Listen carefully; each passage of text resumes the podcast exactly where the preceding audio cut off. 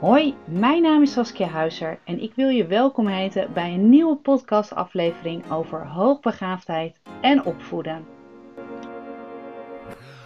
Wat doe je als je een meningsverschil blijft houden of een verschil van inzicht houden met school? Nou, daar gaat deze podcast vandaag over. Want stel dat je constant het verschil van, van inzicht houdt over je kind. En uh, je komt op de een of andere manier niet op één lijn. Of de leerkracht begrijpt niet goed wat jouw kind misschien nodig heeft. Wat jij denkt vanuit jouw ouderrol. Van nou, dat zal mijn kind goed doen. En wat doe je dan? Nou, afgelopen week uh, heb ik verschillende vragen eigenlijk gehad ook over dit onderwerp. En wat mij heel erg opviel was dat, um, dat de ouders in deze heel erg ook tegen de leerkracht, maar moesten, ja, bijna moesten overha overhalen om te laten zien, mijn kind kan echt meer. En wat doe je dan precies? Want dat is best ingewikkeld natuurlijk. Als school zoiets heeft van, ja, ik zie dit niet. Nou, ik wil het eigenlijk een beetje vanuit beide perspectieven wil ik deze podcast gaan benaderen. Uh, zoals je misschien wel weet, ben ik ook heel lang uh, leerkracht geweest. Leerkracht, uh, intern begeleider, remedial teacher, maar ook adjunct-directeur in het basisonderwijs. En daarin heb ik vaak te maken gehad met dit soort zaken. Um, ik heb plusklassen gedraaid en daarin merkte ik bijvoorbeeld ook, bijvoorbeeld voor als een kind dan naar een plusklas wilde, dat het niet altijd lukte om daarmee op één lijn te zitten met een ouder. Want een ouder vond dat zijn of haar uh, kind naar de plusklas moest. En dat vond bijvoorbeeld iemand anders binnen school die daarover ging. Die vond dat eigenlijk helemaal niet. En wat doe je dan? Nou, eigenlijk het omgaan met meningsverschillen tussen ouders en school uh, over dus die behoefte van misschien wel jouw hoogbegaafde of vermoedelijk hoogbegaafde zoon of dochter, kan echt een uitdagende taak zijn. Want ik heb het gevoel dat je, uh, als je dit als ouder luistert, dat je vaak het gevoel hebt dat je maar moet, ja, de ander moet overtuigen. En als je deze podcast luistert vanuit de rol als onderwijsprofessional, denk ik dat je vaak het idee hebt, ik moet mezelf maar verdedigen. Alleen het is heel belangrijk um, ongeacht welke mening je ook hebt, om in ieder geval met elkaar te blijven praten. Om met elkaar te blijven kijken, hey, kunnen we toch de neuzen dezelfde richting op laten wijzen? Kunnen we toch een stukje verder komen? Zodat uiteindelijk ja, het beter gaat met een kind. Want dat is wel iets, als een ouder bij jou aan de deur klopt, of een mail stuurt, of belt, of nou, op welke mogelijke manier contact zoekt, dan is er echt iets over het algemeen, en ik zeg niet altijd, maar over het algemeen komt een ouder niet zomaar naar een leerkracht toe om te vertellen dat iets niet goed gaat. In de meeste gevallen is dat echt niet zo. Um, Gisteren sprak ik nog een moeder. Ik had spraakberichtjes met haar over en weer. En zij gaf aan, ja, maar ik wil niet die moeder zijn die altijd zo zeurt ik, wil, ik zou veel liever willen dat mijn kind het zelf aangeeft. Maar mijn kind heeft het al een paar keer aangegeven dat het niet goed gaat. En dat ze heel graag meer uitdaging wil, omdat ze zich verveelt. Maar het lukt niet. Eigenlijk zegt de meester, ja, ik kom er wel op terug. Maar uiteindelijk krijgt dat meisje helemaal niet het idee dat er op teruggekomen wordt. Sterker nog, het lijkt wel of ze eerder in de irritatiezone zit. En dat zijn momenten die je absoluut niet wil krijgen. Ik ga in deze podcast, ga ik het dus van twee kanten ook belichten. Uh, maar ik ga ook uh, bespreken ook welke stappen je kan nemen ook als ouder om in ieder geval een goed gesprek aan te gaan. En ik denk dat je als jij dit luistert als onderwijsprofessional, dat je hier zeker ook iets mee uh, kan, kunt doen of aan kunt hebben. Klein zijsprongetje nog. Um, twee dagen geleden werd ik ook, kreeg ik ook een spraakberichtje van een van, ook van een ouder. En zij gaf aan, Saskia, ik luisterde jouw podcast. En dat was een podcast over een nou, totaal ander onderwerp.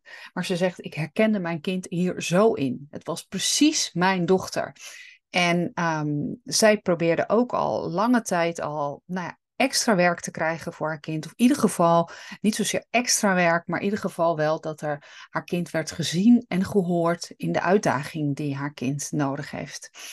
En op de een of andere manier lukte dat niet. En zij had mijn podcast beluisterd en ze gaf eigenlijk aan aan het einde van de podcast, dacht ik, ja, dit is precies mijn kind. Dit is gewoon, het lijkt wel alsof de podcast over mijn kind is opgenomen.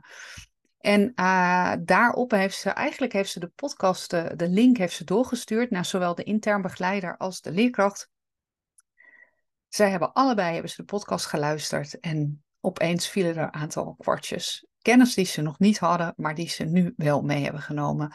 En uiteindelijk uh, zijn er wat aanpassingen geweest. Er is een gesprek geweest met het kind en met de leerkracht. En uh, ja, dat heeft toch wel echt weer dingen in werking gezet in positieve zin. Dus ook dat, mocht deze podcast uh, nou ja, passend ook zijn, deel hem gerust met, met de intern begeleider of met de leerkracht of met wie dan ook. Maar in ieder geval, als het een beetje kan helpen, ieder klein stapje is al meegenomen.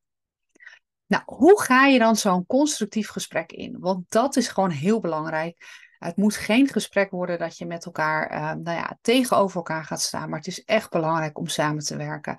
En ik noem het ook altijd de belangrijke driehoek ook. Uh, want ouders, school en kind moeten ook samenwerken. En ik benoem bewust ook kind erbij.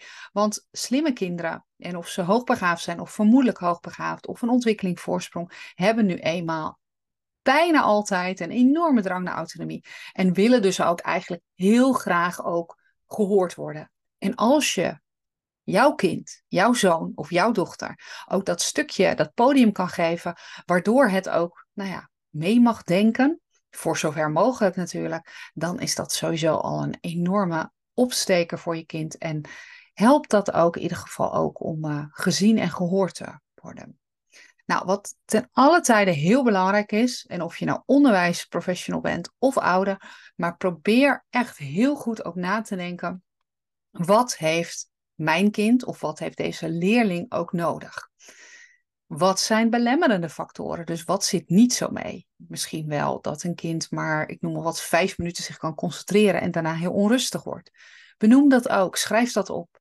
Wat is juist heel stimulerend? Nou, kind heeft een enorme interesse bijvoorbeeld in een bepaald onderwerp. Als jouw zoon of dochter dat heeft, of jouw leerling in je klas, is dat mooi. Want soms kun je juist van deze succeservaringen, kun je juist hele mooie ja, krachten eigenlijk ook halen. Nou, verder is het belangrijk als je dat gesprek dus in gaat plannen, want um, dat zou ik wel heel erg aanraden om niet zomaar na schooltijd op het schoolplein te gaan praten. Of, uh, nou, ik noem wat, aan, aan, zeg maar aan de deur van, van, de, van het klaslokaal. Maar probeer echt even een gesprek in te plannen. Dat geeft zowel de leerkracht als jou als ouder ook even het moment om goed na te denken en je ook goed voor te bereiden. Want ik ga een aantal tips ook voor voorbereiding geven, net zoals ik zei, net al zei. Informeer jezelf heel goed. Nou, ga met elkaar dus in overleg en uh, probeer ook heel erg natuurlijk die open en respectvolle manier ook met elkaar te hebben. En blijf benadrukken van welke kant dan ook, maar dat het echt gaat om het kind. En neem elkaar serieus. Ouder neem jij de onderwijsprofessional serieus en de onderwijsprofessional neemt de ouder ook serieus. Want jullie hebben allebei hebben jullie eigen observaties. De een doet observaties in de groep en de ander heeft als ouder het kind thuis. En die ziet en hoort ook waar een kind tegenaan loopt. Ga daar niet over oordelen, ga daar niet over wisselwassen of wat dan ook. Nee, dat is het. Nou, en wat dan heel belangrijk ook is, is om uiteindelijk ook specifiek te zijn. Specifiek over de zorgen die jij ervaart over je kind of die je misschien wel ervaart over de leerling. Stel ook vooral veel vragen naar elkaar. Vragen over, nou ja, over van alles en nog wat. Als jij als ouder twijfelt wat je kind misschien wel in de klas doet, stel er dan daadwerkelijk ook vragen over. Vraag van, hé, hey, wat gebeurt er dan en dan? Of op dat moment, hoe doet mijn kind dat dan? Maar als leerkracht kun je ook heel veel interessante vragen stellen over de thuissituatie. Want eigenlijk heb je daar helemaal niet zoveel ja, informatie krijg je daarover. Nou, als je dan met elkaar in gesprek gaat, stel dan sowieso duidelijke doelen. Een ouder komt dus nogmaals niet voor niets naar een leerkracht toe. En dan is het ook belangrijk om echt te kijken van, hé, hey, wat kunnen we doen? En probeer hier ook het kind bij te betrekken indien mogelijk. Dus ga bijvoorbeeld bespreken om naderhand nog een keer een kindgesprek te houden. Of om een, een één op één gesprek met een kind te hebben. Als je er niet uitkomt, zoek dan ook samen een compromis. Wees bereid ook om die te sluiten, want dat is ook niet altijd gemakkelijk. En soms is het zo dat de kennis wel op school aanwezig is, maar dat daadwerkelijk de middelen, dus puur de financiële middelen om eventueel materialen te kopen of om iemand aan te, iemand aan te nemen die bijvoorbeeld, ik noem maar wat, een half uur per week met jouw kind gaat werken om extra verrijking te bieden, die zijn er echt niet op alle scholen. Er zijn scholen die echt de touwtjes aan elkaar moeten knopen om gewoon de boel draaiende te houden. En dat heeft echt verschillende redenen. Daar kan ik nog heel veel podcasts over opnemen. Ik weet hoe dat is toen ik adjunct-directeur ook was. Um, het heeft te maken met potjes, het heeft te maken met wat voor type kinderen op school zitten, het heeft te maken met het bestuur vaak. Nou, kortom, het is echt niet eenvoudig. En als een school wil, dan um, zijn er ook wel mogelijkheden om bijvoorbeeld samen te werken. Maar als een school bijvoorbeeld alleen staat en niet onder een bestuur valt, dan is dat niet zo eenvoudig. Dus neem ook ergens aan als je denkt, oh, maar die school die kan alles en nog wat doen. Die kan de ene plusleerkracht naar de ander aannemen en die kan plusmaterialen bestellen en noem maar op. Niet ieder school heeft dit. Dus onthoud dat toch wel erg goed dat dat geen vergelijking is uh, met dus zeg maar van school naar school.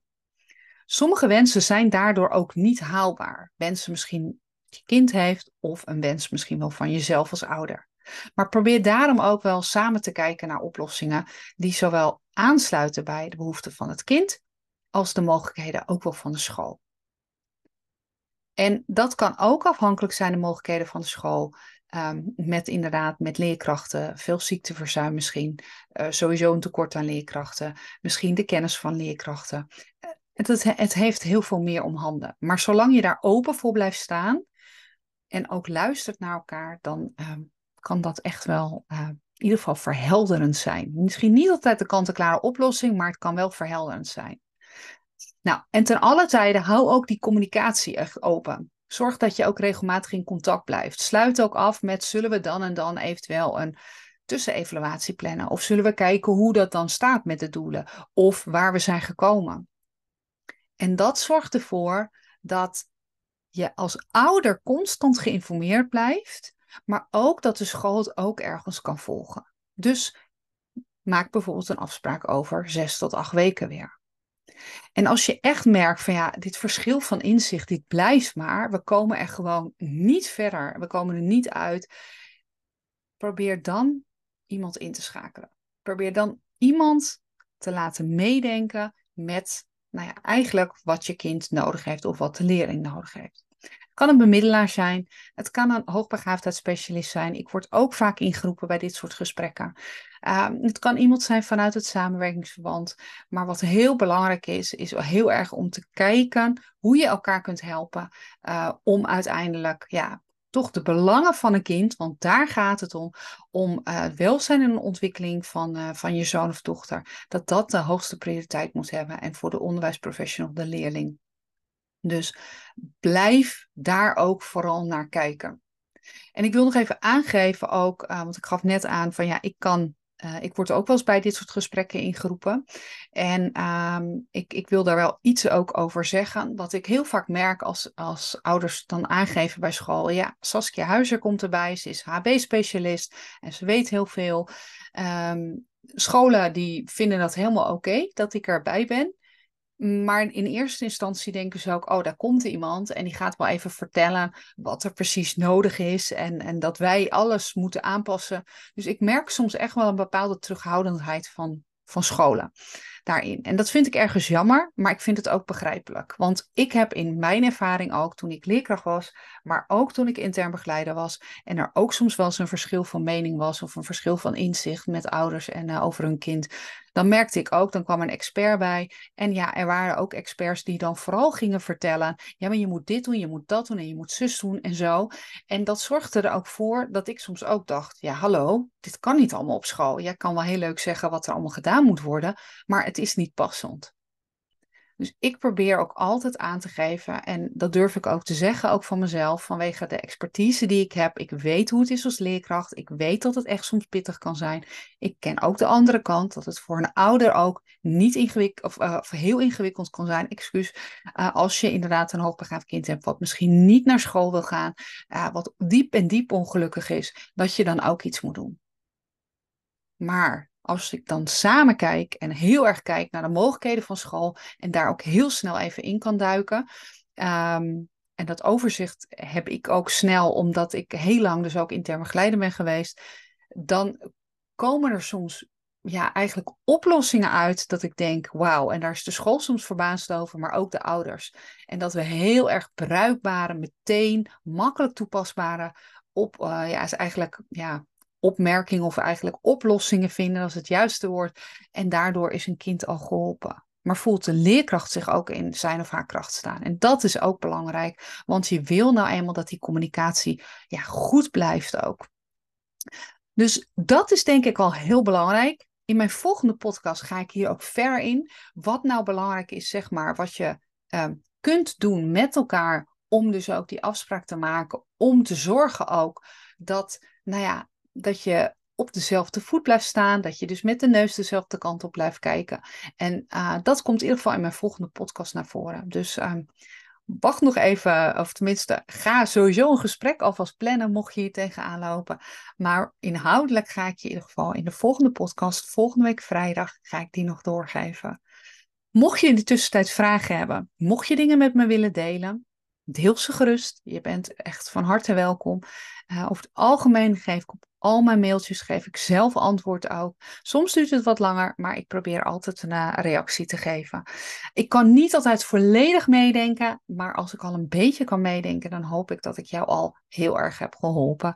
Uh, mocht je wel uh, gebruik willen maken dat ik een keer bij een gesprek aanschuif, dan kan dat in ieder geval altijd online. Dus dat ik als het ware via Zoom of via Google Meet inlog, dan kan dat. En via mijn website kun je ook altijd een losse sessie daarvoor inplannen. In ieder geval om het met elkaar te bespreken. En dan uh, later kijken we ook nog naar een moment dat ik eventueel kan aansluiten bij een uh, gesprek op school. Nou, mocht je meer vragen hebben of mocht je nog suggesties hebben voor een eventuele volgende podcast, laat het me dan weten. Dan ga ik het op mijn lijstje zetten en wie weet komt, maak ik daar dan ook een podcast over. Dankjewel voor het luisteren en heel graag tot volgende week.